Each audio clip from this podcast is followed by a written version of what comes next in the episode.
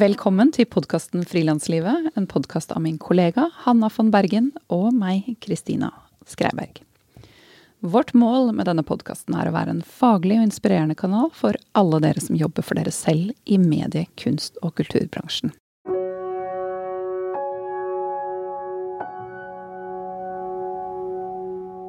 Ukens annonsør er regnskapsprogrammet Fiken.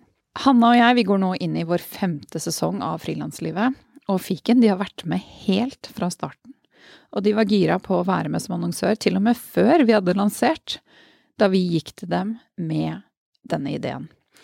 Og det er eh, veldig kult, syns vi, når man kan samarbeide med andre som vil det samme som deg selv. Både vi og Fiken ønsker å gjøre frilanseres og småbedrifters hverdag enklere. Så dere, la dere gjerne inspirere. Team opp med andre som vil det samme som dere. Andre aktører dere virkelig tror på og bruker selv, som vi gjør med fiken. Vi sverger til det regnskapsprogrammet fordi vi føler at det gjør regnskapet vårt og frilanslivet vårt lettere. Har du lyst til å prøve fiken gratis i 30 dager? Gå inn på fiken.no. I dag så har jeg besøk av Josef Johannes, som står bak tegneserien The Urban Legend. The Urban Legend er historien om en afrikansk superhelt, en helt han selv savnet som rollemodell da han selv vokste opp. Josef jobbet i mange, mange år for å få realisert drømmen sin om å få helten sin ut i verden, og etter mange avslag er The Urban Legend blitt til flere bokutgivelser, er oversatt til åtte språk og er en del av pensum på skoler i Norge, Eritrea, Sør-Afrika, Kenya og Brasil. Josef holder foredrag og samarbeider med Nelson Mandela Foundation og Malala Fund. I fjor ble han og superhelten tildelt OXLO-prisen for innsatsen for å gjøre Oslo til en raus, inkluderende og åpen by. Josef er 41 år gammel, han har studert statsvitenskap og menneskerettigheter. Foreldrene hans er fra Eritrea, han ble født i Danmark, og familien flyttet til Oslo da han var ni år gammel. Jeg gleder meg til å snakke med Josef om motgang og medgang, om å tenke stort og om å satse. Hei, Josef. Hallo. Hei. Hei. Er du klar for å snakke om det? Å oh, ja da, absolutt. Du, jeg har jo møtt deg en gang før. Og da møtte du meg i en Audi med en stor Urban Legend-folie klistret på bilen. Og du var kledd i hettegenser med Urban Legend-logo på, som du også har på deg, eller du har en annen på deg i dag, da. Så jeg sitter jo her med en person som virkelig lever brandet sitt. Eller hva? Ja, absolutt. Altså. Det er viktig for deg? 24-7. Og represent? Ja, for det er jo en del av meg, så jeg syns det er viktig. Hvordan fikk du ideen til å skape din egen superhelt? Ideen til å skape min egen superhelt uh, startet uh, Det kom egentlig helt ut av det blå. Det er mange som tror kanskje at jeg fikk ideen om å skape min egen superhelt uh, etter å ha sett noen superheltfilmer og tenkt wow, jeg kan gjøre det samme, men overhodet ikke. Det startet egentlig veldig sånn uskyldig, veldig unintentional, for å bruke det ordet der. Um, jeg var på rundreise i Afrika, hvor jeg var i land som Namibia, Botswana, Zambia. Jeg var litt langt nede på det tidspunktet. Jeg hadde akkurat gjort det slutt med dama. Bestevennen min hadde dødd i en bilulykke, og uh, det gikk veldig, veldig sterkt inn på meg. Og mista lysten gradvis på det meste som jeg hadde likt før. Så jeg tenkte, veit du hva, la meg prøve å gjøre noe jeg alltid har drømt om siden jeg har vært barn. Og det har alltid vært to ting. Og det ene er å dra på safari for å se masse flotte dyr i det fri. Og det andre er å oppleve fotball-VM, siden jeg er veldig glad i fotball, da. Så sommeren 2010 så arrangerer jo Sør-Afrika fotball-VM. Så jeg tenkte, veit du hva, la meg prøve å dra ned dit. Jeg har aldri vært i Sør-Afrika. Og samtidig så kan jeg liksom eh, dra på safari også i nabolandet, da. Så jeg drar dit og drar på rundreise og ser masse flotte, inspirerende ting. Og så husker jeg da var i Botswana, i et veldig veldig fattig område, og venta på en venn av meg. Og så var det veldig varmt, så jeg husker jeg gikk ut av bilen. Og bare sto der og venta på han kompisen min, som alltid er seint ute. Og så plutselig så ser jeg at to små barn gå forbi meg. De kunne ikke ha vært mer enn jeg tror sånn fire eller seks år, og de holder hender. Og med en gang jeg ser dem, så gjør det noe med meg, fordi de minnet meg veldig mye om meg og lillebroren min da vi var små. Og når jeg ser dem, så får jeg en spesiell følelse i meg som får meg til å rope på dem. Så jeg roper hei, hei, stopp, stopp, stopp. stopp. Og så stopper de opp og sier hei, kom hit, og vinker dem da kom hit. Og de stopper opp, og han eldstemann som holder hånda til lillebroren sin, titter litt sånn forsiktig opp og lurer sikkert på hvem er han høye mannen der som roper og sier nei, det går bra, det går bra, bare kom hit litt, sier jeg til dem. Så kommer de sakte, men sikkert gående mot meg, og når de kommer, så sier jeg hei, og sier de hei, og så snakker vi litt. og sier her, um, ta 50 kroner, gå og kjøp uh, is, sier jeg til dem. Og han minstemann som holder da hånda til storebroren sin, skumper litt sånn bort til han og spør han, du, hvorfor ga han mannen av oss penger? Og så svarer storebror jo, han ga oss penger slik at vi kan gå og kjøpe is. Og så svarer minstemann wow, skal vi gå og kjøpe is? Og så svarer storebror ja, vi skal gå og kjøpe is. Og de ble veldig happy da, jeg tror ikke de hadde spist is på veldig lenge. Og så mm, snakker vi litt til, og så sier jeg ha det til dem. Og idet jeg sier ha det til dem, så får jeg tårer i øynene mine. Fordi jeg visste at det er siste gang jeg noensinne kom til å se meg igjen. Og samtidig så følte jeg at de fortjente mye mer enn det de hadde. For de så veldig, veldig fattige ut. De hadde så vidt klær på seg. Og så så de veldig forlatt ut. Og det gjorde et veldig sterkt inntrykk på meg. Og på resten av denne turen rundt om i Afrika så kunne jeg ikke slutte å tenke på noen andre enn disse to guttene her. Og jo mer jeg tenkte på dem, jo mer sint ble jeg med meg selv. Jeg tenkte jeg skulle gitt dem noe mye mer enn 50 kroner. Jeg skulle gitt dem noe håp, noe inspirasjon, noe som kunne vist dem veien til et bedre liv. Så tre måneder seinere, når jeg er tilbake i Oslo, sitter på rommet mitt, så får jeg plutselig en stor, stor idé. En slags åpenbaring. Hvorfor ikke lage en svart superhelt?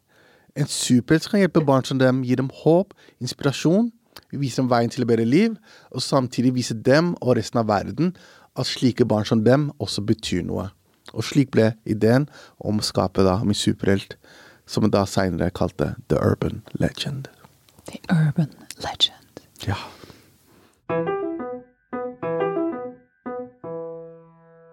I tegneserien din så møter vi den fiktive superhelten da, Malcolm Tsegai Madiba, som er lærer av eritreisk opprinnelse.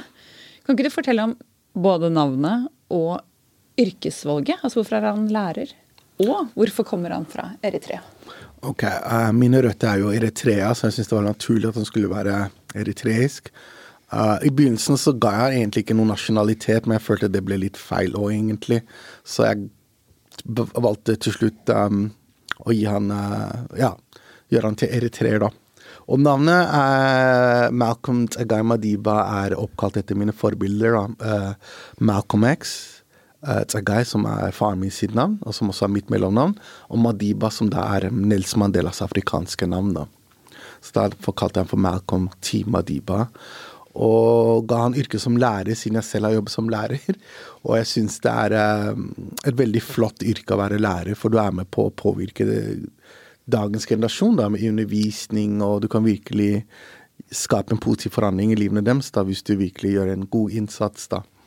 Så, så det er derfor jeg kalte han da for uh, Malcolm Tsegai Madiba, og også da også ga han jobb som lærer.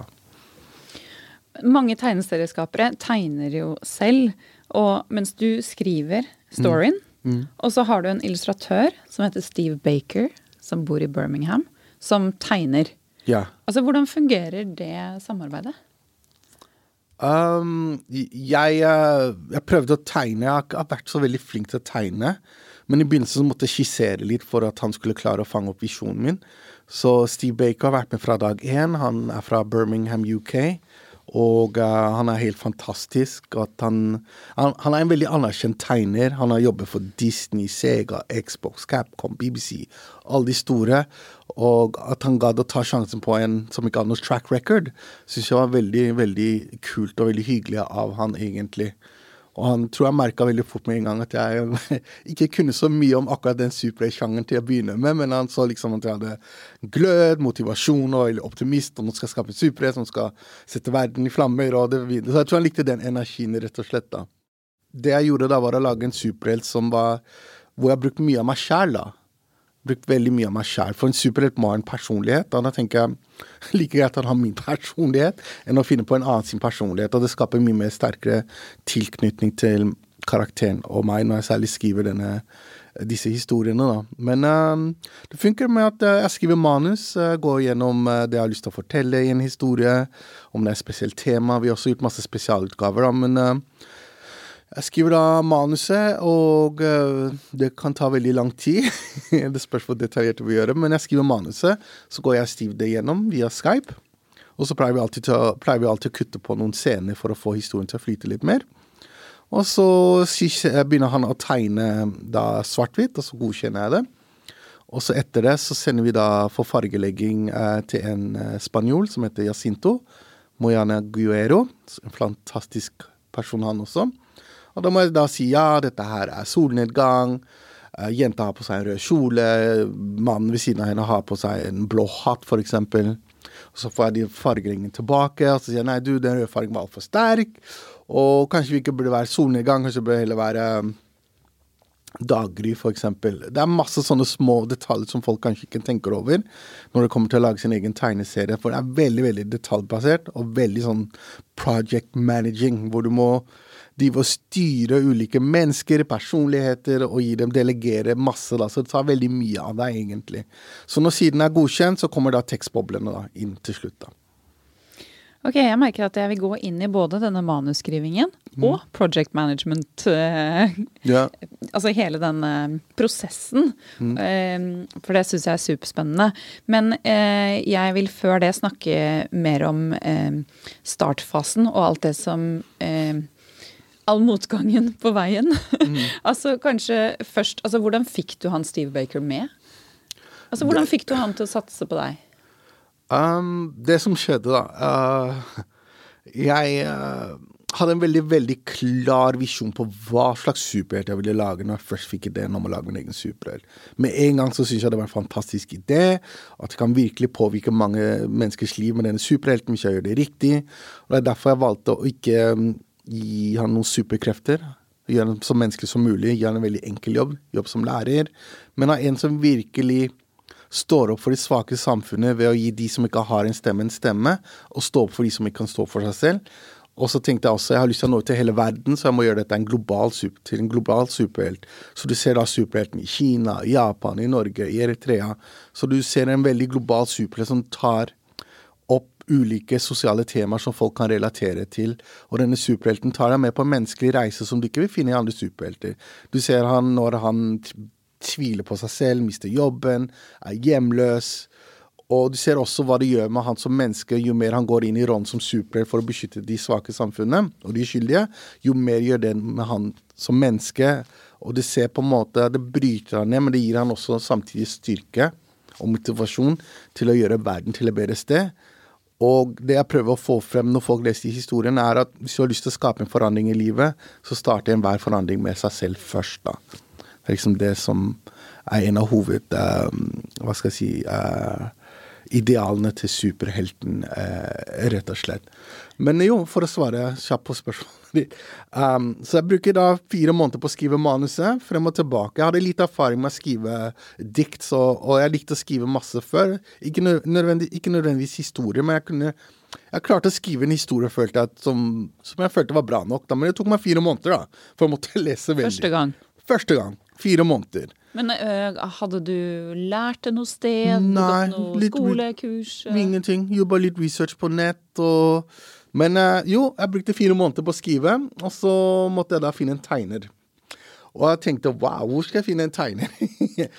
så jeg husker jeg gikk, um, jeg gikk inn på eh, et forum for tegnere, hvor jeg en um, Hvor jeg la ut en annonse, da.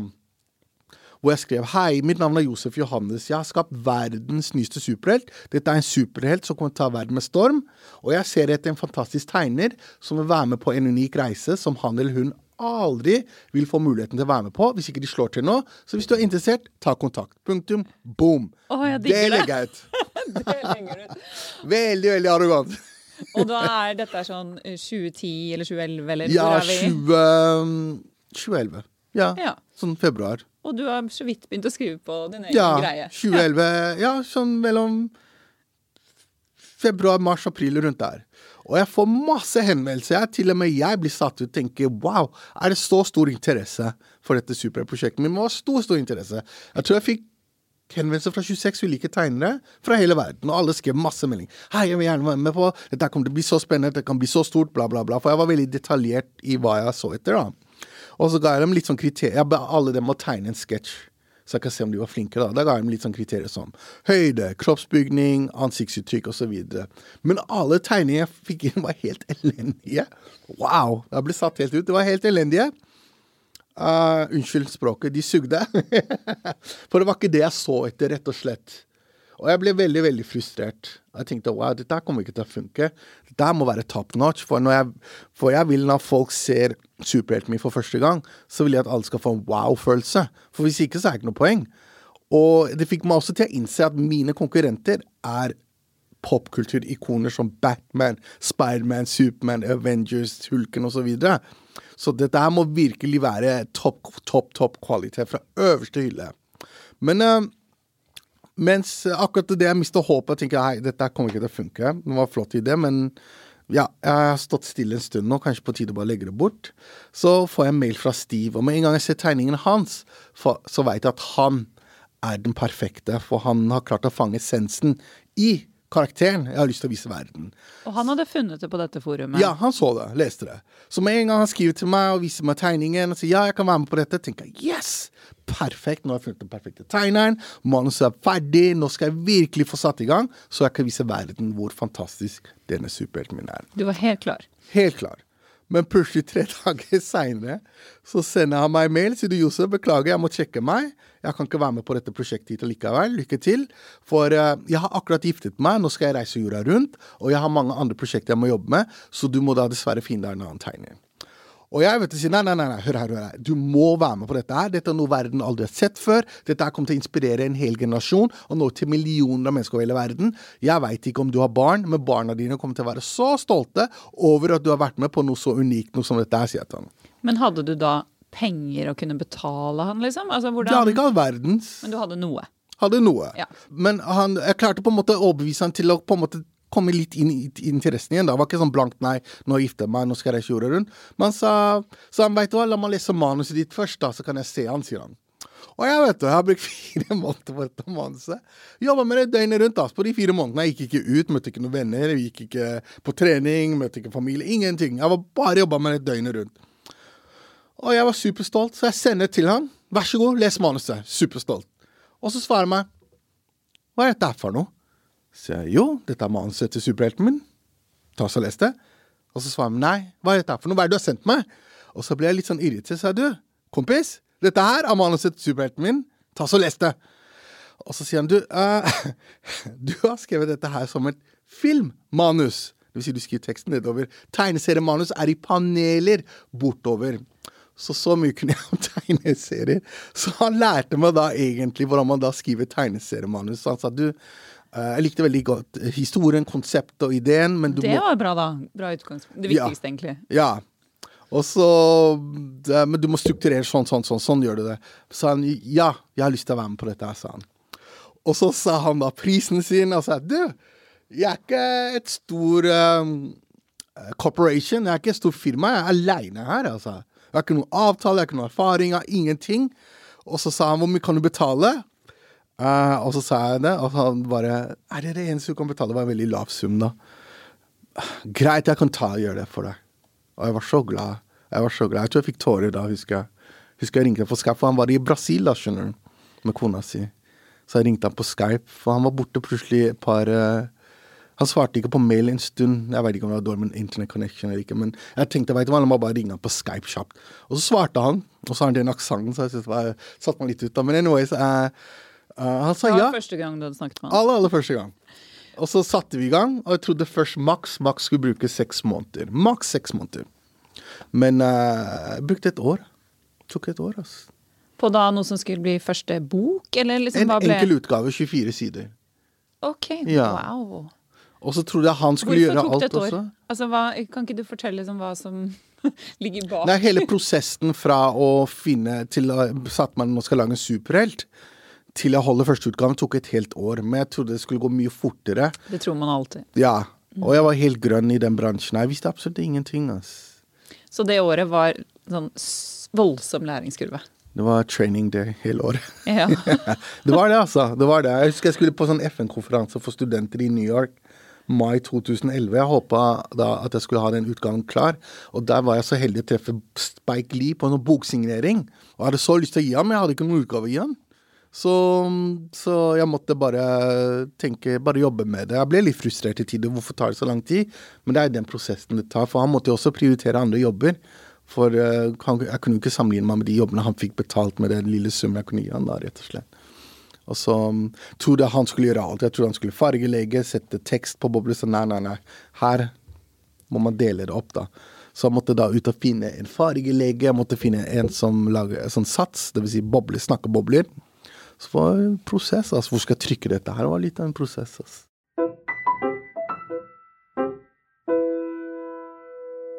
Men jeg vet at du eh, solgte leiligheten din og flytta på hybel. At du mm. opplevde at folk lo av deg da du fortalte om ideen din. Kan ikke du fortelle om det? Ja, um, så jeg holder da etter et år, november, 1. november 2011, superhappy, med supersliten. Men så happy, førsteutgaven er ferdig, jeg holder den i hånda mi, jeg har vært på trykkeriet. Og jeg er så glad. Jeg tenker yes, nå ser den ser helt fantastisk ut. Nå smeller det. Nå. nå skal jeg vise verden hvor fantastisk denne superhelten min er, og jeg skal starte her i Norge. Og så tenker jeg, veit du hva, november-desember i Norge er litt sånn hektisk. Folk er litt opptatt med julebord og julehandel og alt det som kommer i jula. Så jeg tenker, vet du hva, kanskje bedre å ta kontakt i januar-februar, hvor det er litt roligere. Så la meg heller lage en liste og gjøre litt research på hvem jeg kan ta kontakt med. Så jeg gjør ordentlig research på ja, sånn to måneder. Fra november-desember lage en liste over forlag og distributører jeg kan ta kontakt med. Så i uh, januar så tar jeg kontakt med alle forlag, alle distributører. Dette er 2012, januar. I Norge, eller I Norge. også utenlands? I Norge. Og spør, viser dem bladet. Trykke opp det kanskje 30-40-50 eksemplarer, sender det med et lite skriv. 'Hei, jeg heter Josef, har lyst til å sende bladet mitt.' Alle bare nei. Ikke interessert. Folk slenger igjen døra foran ansiktet mitt. En svart superhelt, aldri i live. En kjent tegneserieskaper som jeg møter på i gangen. For når jeg skulle på et sted, sier du Josef, kan du komme hit litt? Sier jeg ja. Du kan gi deg det beste rådet ever. Sier jeg, hva da?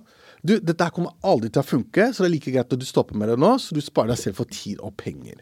Så slike tilbakemeldinger får jeg. Ingen som hadde tro på denne superhelten min.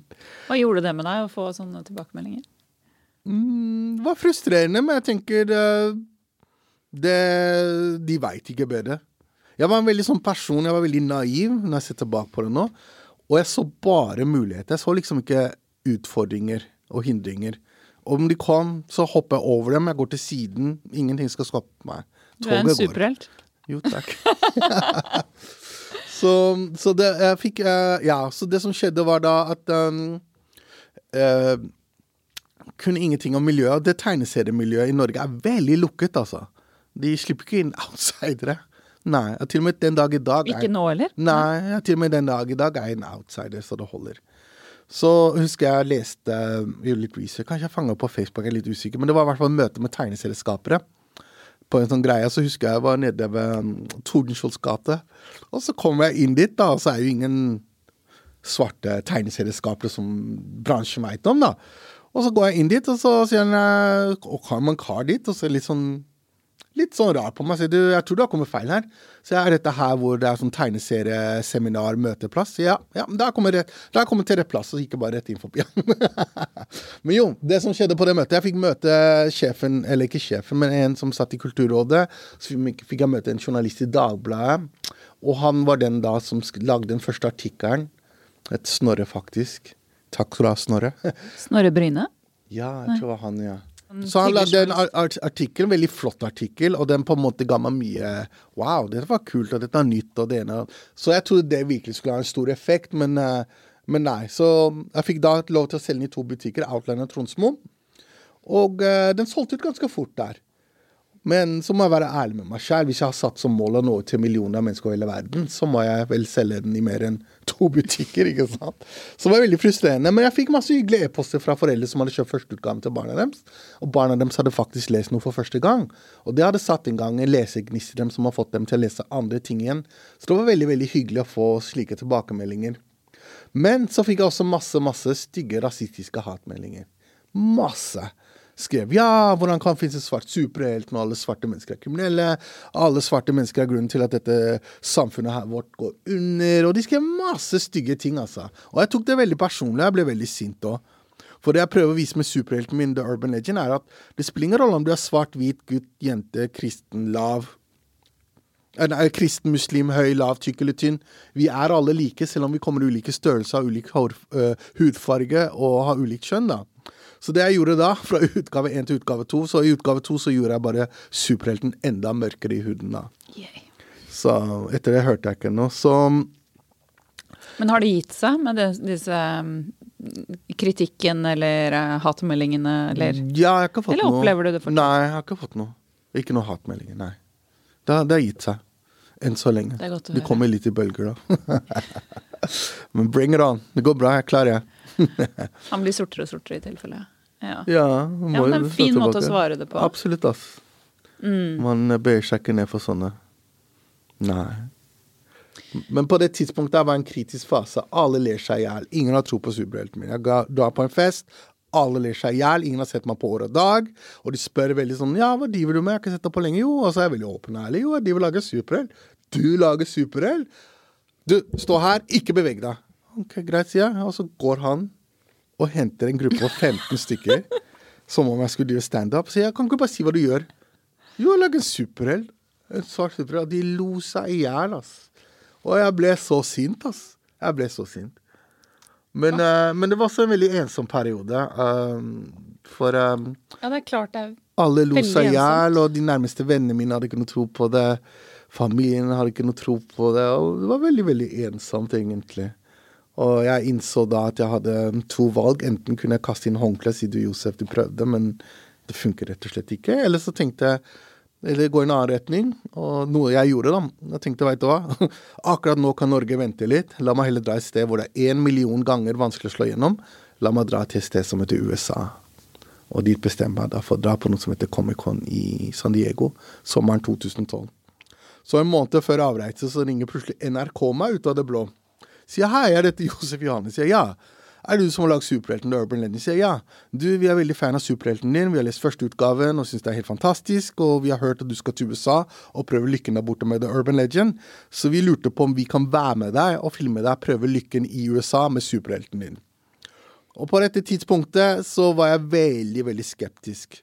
For jeg hadde blitt latterliggjort nå de siste to-tre månedene. Og jeg tenkte, veit du hva, jeg har ikke lyst til å bli latterliggjort på TV. På Riks-TV, du vet. På, det var Filmbonanza var et veldig veldig kjent program. Det var mange, Hele bransjen så denne Filmbonanza. da, Veldig populært program. Så jeg sa til NRK-produsenten um, Veit du hva, uh, kan ikke vi bare ta et møte, så kan du fortelle meg konseptet rundt denne dokumentaren du har lyst til å lage, da, så kan jeg si ja eller nei. Så jeg greit, ikke noe problem. Så inviterte meg da ned til NRK sin lokale på Marienlyst. Vi setter oss ned. Og med en gang jeg ser han forklare konseptet han har, så er han veldig flink, syns jeg. Veldig åpen, ærlig og faktisk veldig kul. Så jeg sier ja til at de kan være med meg og filme. Så de, hvordan de hadde fanga opp at jeg skulle til USA, var faktisk det Dagbladet-intervjuet med Snorre. For der hadde jeg sagt at hvis eh, det ikke funker i Norge, så drar jeg til USA with a dollar and a dream. Ja, var det jeg husker jeg sa. Det var siste setningen. Så de hadde klart å lese den artikkelen, for den har skapt mye blest. Så tok de kontakt basert på det, da. Så, men eh, når jeg ser tilbake på det i dag, så var det veldig slitsomt å ha et kamerateam oppi ansiktet hele tiden når du skal vise fram superhelten for første gang da, til store aktører. Men jeg hadde med da utgave én og utgave to. Og um, en, måned før utgave, en måned før avreise til USA, så plutselig trekker fargeleggeren seg. Ut av det blå. Får ikke tak i ham. Og jeg blir veldig frustrert. For uh, Steve fargelegger coverne, illustratøren, men så har jeg brukt en annen en. Og han forsvant. Og så jeg måtte da dra til USA med hvor utgave én kun var fargelagt, og utgave to var sort-hvit. Og jeg var så sint på hele den flyreisen.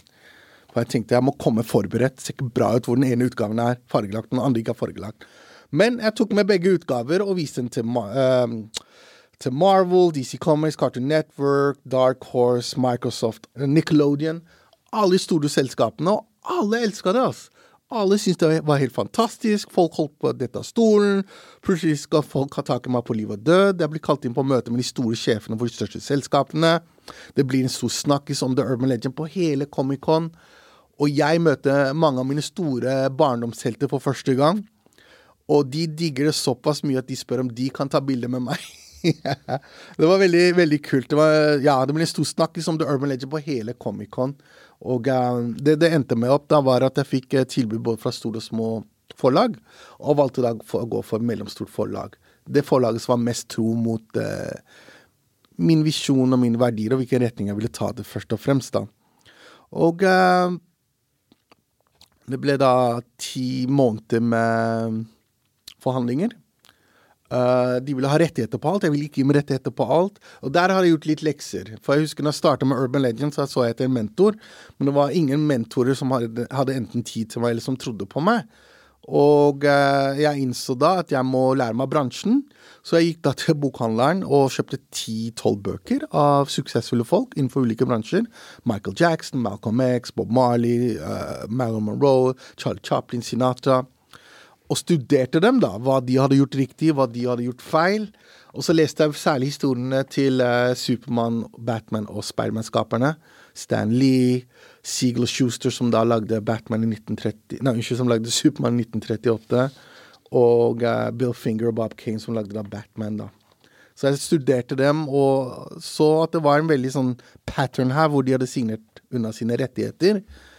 Under uh, shady omgivelser, omstendigheter. Og så har de da saksøkt om å få tilbake rettigheten, men da har de De har alltid tapt, da, for når du har signert en kontrakt i USA, så har du signert en kontrakt. Så jeg var veldig påpasselig med å ikke signere og gi fra meg alle rettighetene. Så, veldig advokat. så det tok ti måneder, da. Men anyways, etter ti måneder blir vi enige. Men du har is i magen da, i prosessen, tenker jeg. Å ja, absolutt. ass. Jeg visste sånn akkurat hva jeg ville. Og jeg hadde en plan, og uh, alt er ikke til salgs her i livet. ja, folk tror alt er til salgs, men nei, ass, det er ikke det. ass. Ikke her, i hvert fall. Så jeg visste akkurat Jeg var veldig sånn Jeg hadde studert dem veldig godt, altså. Sett hva, uh, hva, en, uh, hva en dårlig kontrakt kan gjøre med livet ditt. da, Ta fra deg livsverket ditt, som igjen gjør at du mister, får dårlig helse og får, mister lysten på livet. Og jeg var veldig, veldig sånn påpasselig. Men det var ikke sånn at du tenkte at å, hvis jeg bruker for lang tid nå på å lese alle de bøkene og ta min tid og um, ja, lese gjennom kontrakten. At du mister avtalen. Du var ikke redd for det? Nei, jeg tenkte Eller? egentlig det er deres problem. Jeg har mange andre som er interessert, egentlig. Så her uh, følger de mitt tempo. Jeg, vet, jeg må også vise litt profesjonalitet, da. Jeg kan ikke stå der og vente to-ti år, da. Men, men, det var legit, da. Jeg tror de respekterer det. Når du er mer business-minded, så respekterer de mer òg. Da prøver de også å mindre Så prøver de mindre å lure deg, da, rett og slett. På, på mindre triks, rett og slett. Jeg vil bare stoppe litt opp sånn eh, i løpet av disse par årene og det å bruke tid på å lese så mye bøker og reise til USA og eh, hvordan gjorde du det økonomisk? Altså, hadde du andre jobber ved siden av, eller hva, Nei, jeg hadde, du spart opp noe penger? Jeg hadde spart opp penger. Og så glemte jeg sist, da, to måneder før avreise Før, um, før førsteutgaven kom ut, så var jeg veldig sånn Vet du hva, jeg må trademarke denne superhelten. Jeg må copyright it. Og jeg må gjøre det i USA. Der er de gribber. For da hadde jeg lest om historien til Batman, Superman, Stanley og Spiderman og hele Marvel-greiene, hvor de hadde blitt lurt, da. Så jeg uh, fant en uh, advokat på nett. Charles Coleman. Wow. Fantastisk kar. Så jeg ringer han, for jeg har sett han har gjort litt arbeid for Marvel og litt sånn innenfor den bransjen. Så et lite tips hvis dere noensinne skal ha en advokat innenfor den bransjen dere jobber for, eller hva det er, bruk en advokat som spesialiserer seg innenfor det området der. Veldig viktig. Men uh, jeg tar kontakt med han, og så sender jeg jeg Ja, veldig hyggelig det du forteller meg, men send meg en mail, og så kan vi ringes etter det. Sender han meg en mail, og så ringer han opp igjen et par et dager etterpå og sier wow, veldig kult det du gjør, og det du har ambisjoner og sånt, og veldig, veldig kult, og jeg kan gi deg billigere pris, sier han. For jeg syns det du gjør er veldig kult og honorable, for å bruke det ordet. Ja, For hva koster det å trademarke nå? Å, det er mye, altså. det er mye, altså. Sånn, For du må bruke en advokat, og da går jo takstameteret opp. Jeg tror det var opp mot 100 000 norske. Mm. Ja. Og så, så og nå Som er mye i en startfase. Veldig. Uten investor og sånn. Men nå ja. lærer jeg noe veldig veldig viktig, noe som ikke jeg visste, hvor jeg blir satt helt ut. Så han sier veldig kult. Så du har lagd denne superhelten? Jeg sier ja. Du har skapt den? Ja. Du har skrevet den? Ja. Alt sammen spør han meg. Ja. Har du tegnet den? Nei. Har du fargelagt den? Nei. Men uh, da er ikke du 100 eier. Sier jeg jo, men det er jeg som uh, Det er min idé. Jeg nådde ut til dem som frilansere. Sier nei, nei, nei, bransjen er ikke sånn. Da er de med, da eier de dems, for det er, det er deres intellectual property, for de har vært med på å bidra. Ja, men det er jo ikke rettferdig, og det er ikke sånn det går, og det er ikke sånn bransjen er. Sier jo, men det er sånn det er. Men det kan vi fikse, vet du. Sier jeg, hvordan da? Jo, vi lager en kontrakt hvor de gir fra seg alle rettighetene, for det er din idé, og det er du som har hyret dem, og det er du som nådde ut til dem, og de har ikke vært med på å skape selve superhelten. Så ja, gjør det. Og så det kosta meg enda mer penger. Måtte utforme den detaljerte kontrakten. Og så sender jeg den både til tegner og til fargelegger og alle som er med på teamet. Og så signerer jeg den, så da eier jeg alt 100 da. Det visste ikke jeg til å begynne med. Så hadde ikke jeg brukt en trademark-advokat eller eh, en copyright-advokat, så kunne jeg gått rundt og trodd at ja, jeg eier det og sånt. For når du møter folk i USA, særlig innenfor Hollywood, da, så er det første de spør om ja, veldig kult konsept og veldig kul IP property du har. da. Hvem eier dette her, spør de. For de vil se om du er majoritetseier eller ikke, for det er ikke noe vits å snakke med deg hvis du er minoritetseier, det er jo bare bortkasta tid. Og så når jeg møter dem nå de siste årene, så ja, jeg eier det. Hvor mange prosent da? Jo, 100 Så står de og klapper. Men ja, det var det som skjedde, da. Så, så jeg tok alt det legal work, og det ruinerte meg. Jeg vil ikke si det ruinerte meg, men det kosta mye, mye penger, altså. For det kom sånne Men betaler seg så i lengden? Ja. Men det kommer sånne hva skal jeg si, sånne regninger som du ikke forutser, for du kan ikke bransjen. Så kommer plutselig sånne store regninger helt ut av det blå. Men uh, det som skjedde da, var uh, etter ti måneders forhandlinger i USA To måneder seinere så ringer han meg sjefen da, og sier du Josef, superhelten in The Urban Legend, har tatt helt av i USA. Gjett hva som har skjedd nå.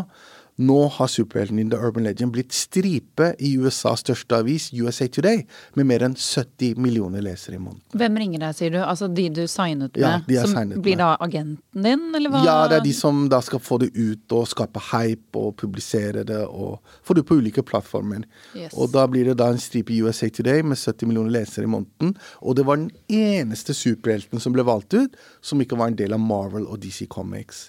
Så den ble da valgt ut, Urban Legend ble da valgt ut med andre superhelter som Batman, Spiderman, Hulken, The Avengers og Captain America. Og så begynner alle i, i, så begynner nå alle i underholdningsbransjen i USA å spørre hverandre Hei, hvem sin nye superhelt er dette her sin? Er dette Marvel sin nye superhelt, eller DC Comics sin superhelt? Så nei, altså, ingen av dem. Det er bare meg. så dette her var da mitt store gjennombrudd. Så jeg måtte da få mitt store gjennombrudd i USA altså utlandet, før jeg fikk noen som helst form for anerkjennelse her i Norge. Og det åpnet alt, altså. Det USA Today skapte avisoverskrifter over hele verden. og Livet mitt har ikke vært det samme siden da, for å si det sånn. Det er det, det, er det man kaller i bransjen your big break, da. Ja. Og etter det gikk ting veldig, veldig veldig fort. Men det var også en veldig hektisk tid, for jeg var helt aleine. Jeg hadde ikke noe manager, jeg hadde ikke noe jeg det ikke noe manager, er det ikke noe agent, er det ikke noe rådgiver, ingenting. og jeg fikk alle disse henvendelsene. Jeg fikk henvendelser fra Big Bang Theory. Jeg fikk henvendelser fra det tredje største spillselskapet, i, som jeg tror er Canada. Og um, Alltid din egen innboks som du skal håndtere. Alt da- sammen, altså. ja. Ja. Og det gikk veldig, veldig fort, altså. Og jeg takka nei. For på det tidspunktet hadde jeg vel kanskje to-tre utgaver. Og jeg visste til og med ikke hvilken retning jeg ville gå mot. Så jeg tenkte, veit du hva, bedre ska prøve ha hele fokus på å skape mer content, da. Så var det jeg hadde fokus på, da.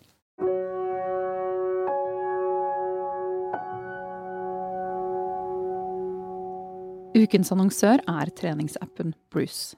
Vi er medlemmer i Bruce og er veldig fan av konseptet, fordi vi liker at gjennom Bruce får vi tilgang til, og ikke minst kan støtte og oppdage, små og uavhengige treningssteder og, for min del, yogastudioer. Og så er hele greia veldig i vår ånd, for før Bruce ble Bruce, så het de Combine som var samme greie, som ble startet av fire studenter som gikk i gang med sin egen idé. Så ble de etter hvert Bruce, men flere av de samme folka som står bak, de jobber i Bruce. De er en bitte liten gjeng som sitter på Factory Tøyen, hvor vi også nå har våre arbeidslokaler. Og vi liker å løfte frem eh, ideer og ja, andre menneskers entreprenørskap og ideer som vi tror på. Og hvis du har lyst til å prøve, så får du 50% avslag første måneden hvis du bruker koden frilanslivet ved innmelding. Kos deg. Og da tenker jeg vi skal snakke litt om nettopp det. Altså hvordan du jobber med manusene dine, og det å skape historiene. Hvordan er prosessen din? Mm, jeg må komme meg litt inn i moden, på en måte. Det jeg liker med, utgave, med bok én, da, første åtte utgangene Det var ingen som ville ha det på det tidspunktet, så jeg kunne bruke all verdens tid på disse utgavene. Men nå, det er hele annen hverdag, jeg har så mye andre ting jeg må gjøre eh, relatert til Urban Legend, at jeg får ikke putta så mye tid inn i hver eneste utgave. Men samtidig så trenger jeg ikke det heller, for du blir jo flinkere jo lengre og jo mer du holder på med det. da. Men hvordan jobber du med det nå? Er det sånn du har skriveperioder, eller skriver du litt sånn hver dag med, innimellom alt admin-ting du skal gjøre? Jeg skriver egentlig peri eh, perioder, liksom. Uh, nå kommer bok fire ut nå i løpet av året, så nå må jeg begynne på bok fem. Så da går jeg rundt og tenker ok, hva skal denne sesongen her handle om? Og det er veldig viktig at historiene vokser, universet vokser, karakteren vokser. For med en gang det begynner å stagnere, så er du egentlig i trøbbel, altså. Ja. Så så det er, det er, utfordrende, men det er ja, kult. Ja, hvor mye kan han vokse? Nei, du Han kan vokse på forskjellige måter, kanskje? Ja, du ser han Du ser han Du ser karakteren dypere, for du blir jo mye mer, bedre kjent med han jo mer du leser om han, da. Så du skaper ulike scenarios hvor du da uh, setter superhelten på prøve, ordentlig prøve, som gjør det mer fascinerende å lese, mer intriguing, intriguing osv. Ja. Men, uh, men for eksempel spesialutgaver, når vi gjør spesialtema la oss si om innenfor mobbing, klima og Nå har vi lagd en førstehjelpsutgave som jeg jobba med nå de siste to månedene, som er klar. Som lærer barn om førstehjelp. Da krever det mye sånn pedagogisk research, da. Statistikk, og du må passe på at du kan ikke gjøre utgaven for underholdende, du kan ikke gjøre den for moraliserende. Så er det veldig sånn balansegang der, rett og slett. Og så er de som oftest kortere, og disse episodene de er 16 sider. Vanligvis er standarden 24, noen har gjort det 32. Så da må du alltid sørge for at uh, historien puster litt, da. Ikke alt er på en måte klemt inn på disse 16 sidene. Og du har jo laget flere spesialutgaver. Eidsvoll 1814, hvordan Norge fikk sin grunnlov i 1814. Gjort klima, antimobbing, gjort om ebola for barn i Afrika. Gjort en Mandela-utgave uh, i samarbeid med Nelson Mandela Foundation. Gjort en om kvinners rettigheter med Malala Fund. Og så har vi gjort Politivold? Ja, politivold. Og så gjort en til min om Benjamin Hermansen, som ble drept av nynazister i 2001. Og så nå siste er en førstehjelpsutgave som lærer barn om førstehjelp, da. Det er jo fantastisk at du også kobler deg på At du er så engasjert. Ja, jeg syns det er litt viktig, og jeg skylder det liksom til de barna jeg møtte i Afrika, særlig de to barna som inspirerte meg, at jeg på en måte ikke kan vike unna det, da. Det er ikke, liksom, det er ikke kommersialisering. Jeg har ikke lyst til å kommersialisere. Altså, hei, nå skal den på børs, og nå blir jeg så så rik. Det er liksom ikke det det handler om. Det handler liksom om å gjøre verden til et bedre sted, og bruke det superhelten her som et forbilde. Og at vi alle kan gjøre det bedre, da. Og at alt starter med seg selv, da. Og derfor um, Urban Legend liksom symboliserer det, da. Den indre kraften i deg er liksom det som er med på å gjøre verden til et bedre sted, da. Og deg selv til et bedre menneske, da.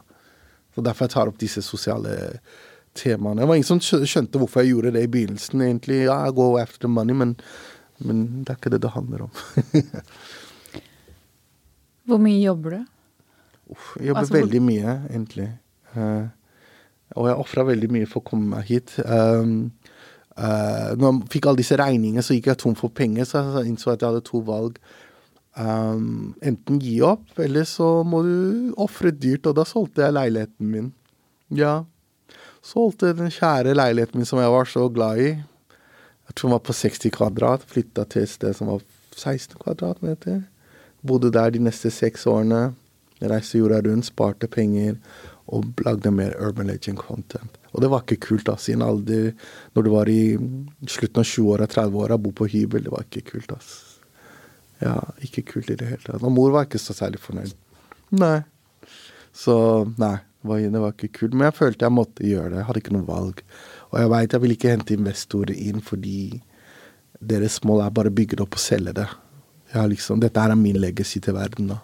Så når jeg går bort, forhåpentligvis så vil dette Urban Legend leve videre i en slags shape form. Håper jeg. Men hvor får du dette pågang Altså hvor har du pågangsmotet fra? Mm, jeg henter fra alle mennesker jeg kan, som inspirerer meg, som har hatt et mye tøffere liv og så videre. Jeg husker jeg gikk tom for penger. Jeg hadde 180 kroner å leve for i to uker. Og jeg var Jeg hadde fått så avslag på avslag. Det var den tyngste, perioden. Så meg selv i speilet. Jeg pleier å se meg selv i speilet, motivere meg selv noen ganger. Og så rant det tårer ned ansiktet mitt. Og så sa jeg til meg selv, snakket til meg selv i speilet, sa Josef, slutt å synes synd på deg sjæl. For det er ingen på denne jorda her som tvang deg til å lage denne superhelten her. Du lagde denne superhelten her ut av, din, ut av fri vilje. Så ikke syns synd på deg selv. Ting vil bli bedre. Og husk, dette her handler ikke engang om deg. Det handler om disse barna i Afrika som kunne trengt en svart superhelt som kan være med på å gjøre hverdagen deres mye bedre og enklere. Og det på en måte fikk meg til å snu om og tenke mer positivt og ikke gi opp. da. Så pleier det å være selvmotiverende.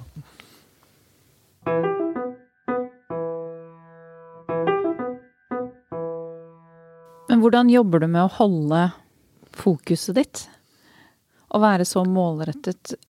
Jeg tror det kommer med at jeg veit hva jeg vil, og at folk At jeg også veit at det vil komme distractions, liksom. Jeg har en sånn motor som heter 'keep on walking'. Det vil si at uh, du starter ett punkt, og la oss si målet ditt, drømmen din, er la oss si én kilometer unna fra der hvor du står, da. Og du går mot det målet. Og på denne veien så vil du da møte regn, vil si motgang, snø, storm, tsunami, sol. Men ikke la det stoppe deg. Keep on walking. Og til slutt så vil du komme i mål, da. Altså nå målet ditt. Og det er altså jeg tenkt her, at alle disse distraksjonene og sånt, bare hold fokus mot det du vil, og så vil du komme For jeg vet akkurat hva jeg vil med denne superhelten her. Så ikke Don't go for the lowest hanging fruit, liksom. Og hvordan har du jobbet med å finne ut akkurat hva du vil? Det, det kommer litt sånn, sånn som når det ble skolepensum. Det hadde ikke jeg sett for meg, egentlig. Det syntes jeg var veldig kult. Det var et veldig stort øyeblikk for meg. Det er det største jeg har opplevd med Urban Legend. Og eh, nå har jeg lyst til å ta det til neste nivå, noe jeg ikke har tenkt på før. inntil noen tre-fire år siden. Så nå i løpet av de neste to-tre årene så har jeg lyst til å, og tenkt å bygge en egen Urban Legend-skole et sted i Afrika. Hvor vi da underviser med fokus på jenter. Som da, hvor barn kommer og får undervisning. De blir hentet i en Urban Legends skolebuss De får to til tre måltider hver dag. De lærer om sin historie. Lærer, lærer da at Afrikas, eller deres lands historie starter ikke med koloniseringen. Og de lærer om empowerment, at gutter skal respektere jenter. De blir uh, vaksinert, de får øyetest og sånn som, vi, sånn som vi har i Norge, rett og slett.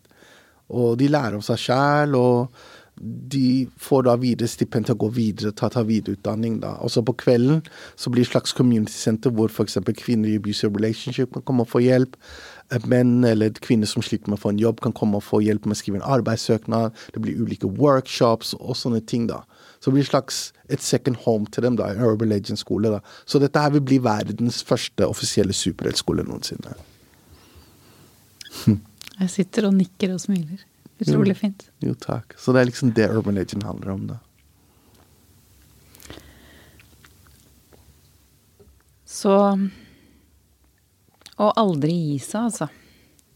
Motgang gir deg karakter, og karakter gir deg styrke til å overkomme det du møter på, da. Så ja, det er det som er forskjellen på uh, Nå liker jeg ikke å bruke disse to ordene, men en vinner og en taper, da. Jeg bruker dem i anførselstegn. Ja. En vinner gir ikke opp, en taper gir opp. I anførselstegn. Ja, ikke så veldig glad i de to ordene. Men du, har også, du nevnte at det har vært eh, ensomt i perioder. Altså, hva, hva koster det deg å gi så mye for helten din? Det koster veldig mye. Jeg har reist alene til India. Jeg har reist alene til LA, reist alene til Eritrea, uh, Barcelona um, har kosta veldig mye, sånn som hele min vennekrets er gift, har slått seg til ro, har familie, barn, alt sammen. Jeg er den eneste som ikke har det. Nå snakker jeg veldig personlig. Han er singel. ja, det er vel den det, det, Når jeg ser tilbake på det nå, så er vel det den dyreste prisen jeg har betalt. Jeg har vært veldig veldig sånn, fokusert på jobb og karriere og for virkelig få dette her til å stå, egentlig. Ja.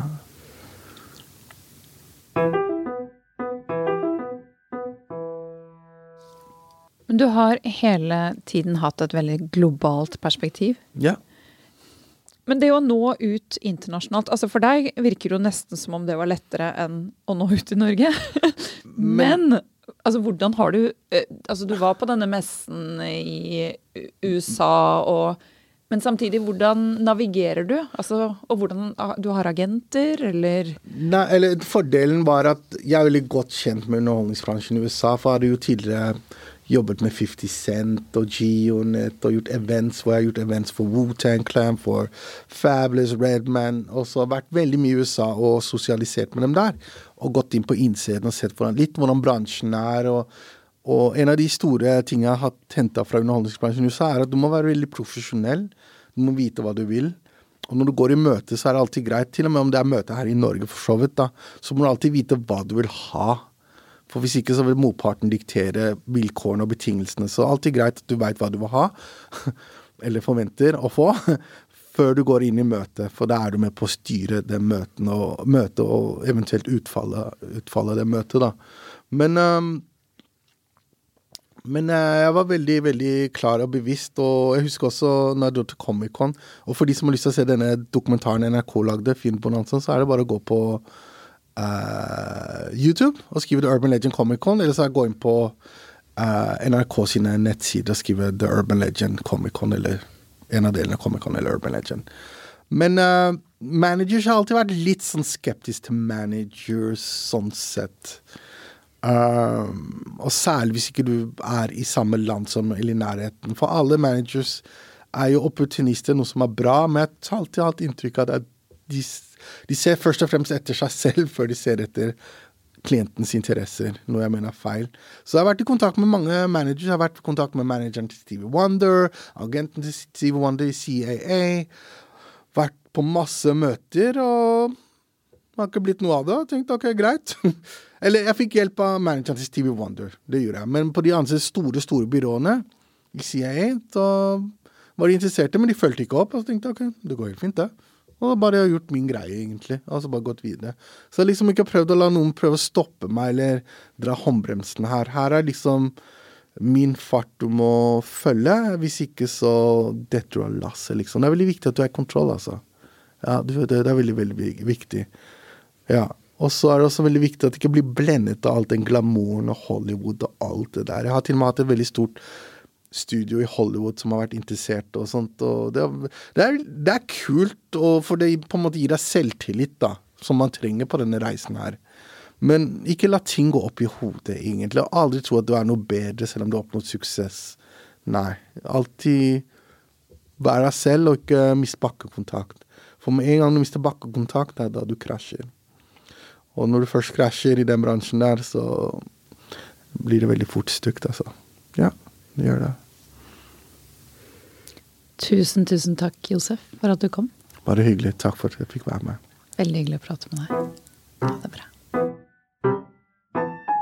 Tusen takk til Grafil for tilskudd til denne podkasten. Vi vil gjerne takke Kulturrådet for støtten vi har fått til å lage denne podkasten. Det betyr enormt mye for oss, og det gjør at vi kan lage Frilanslivet. Tusen, tusen takk.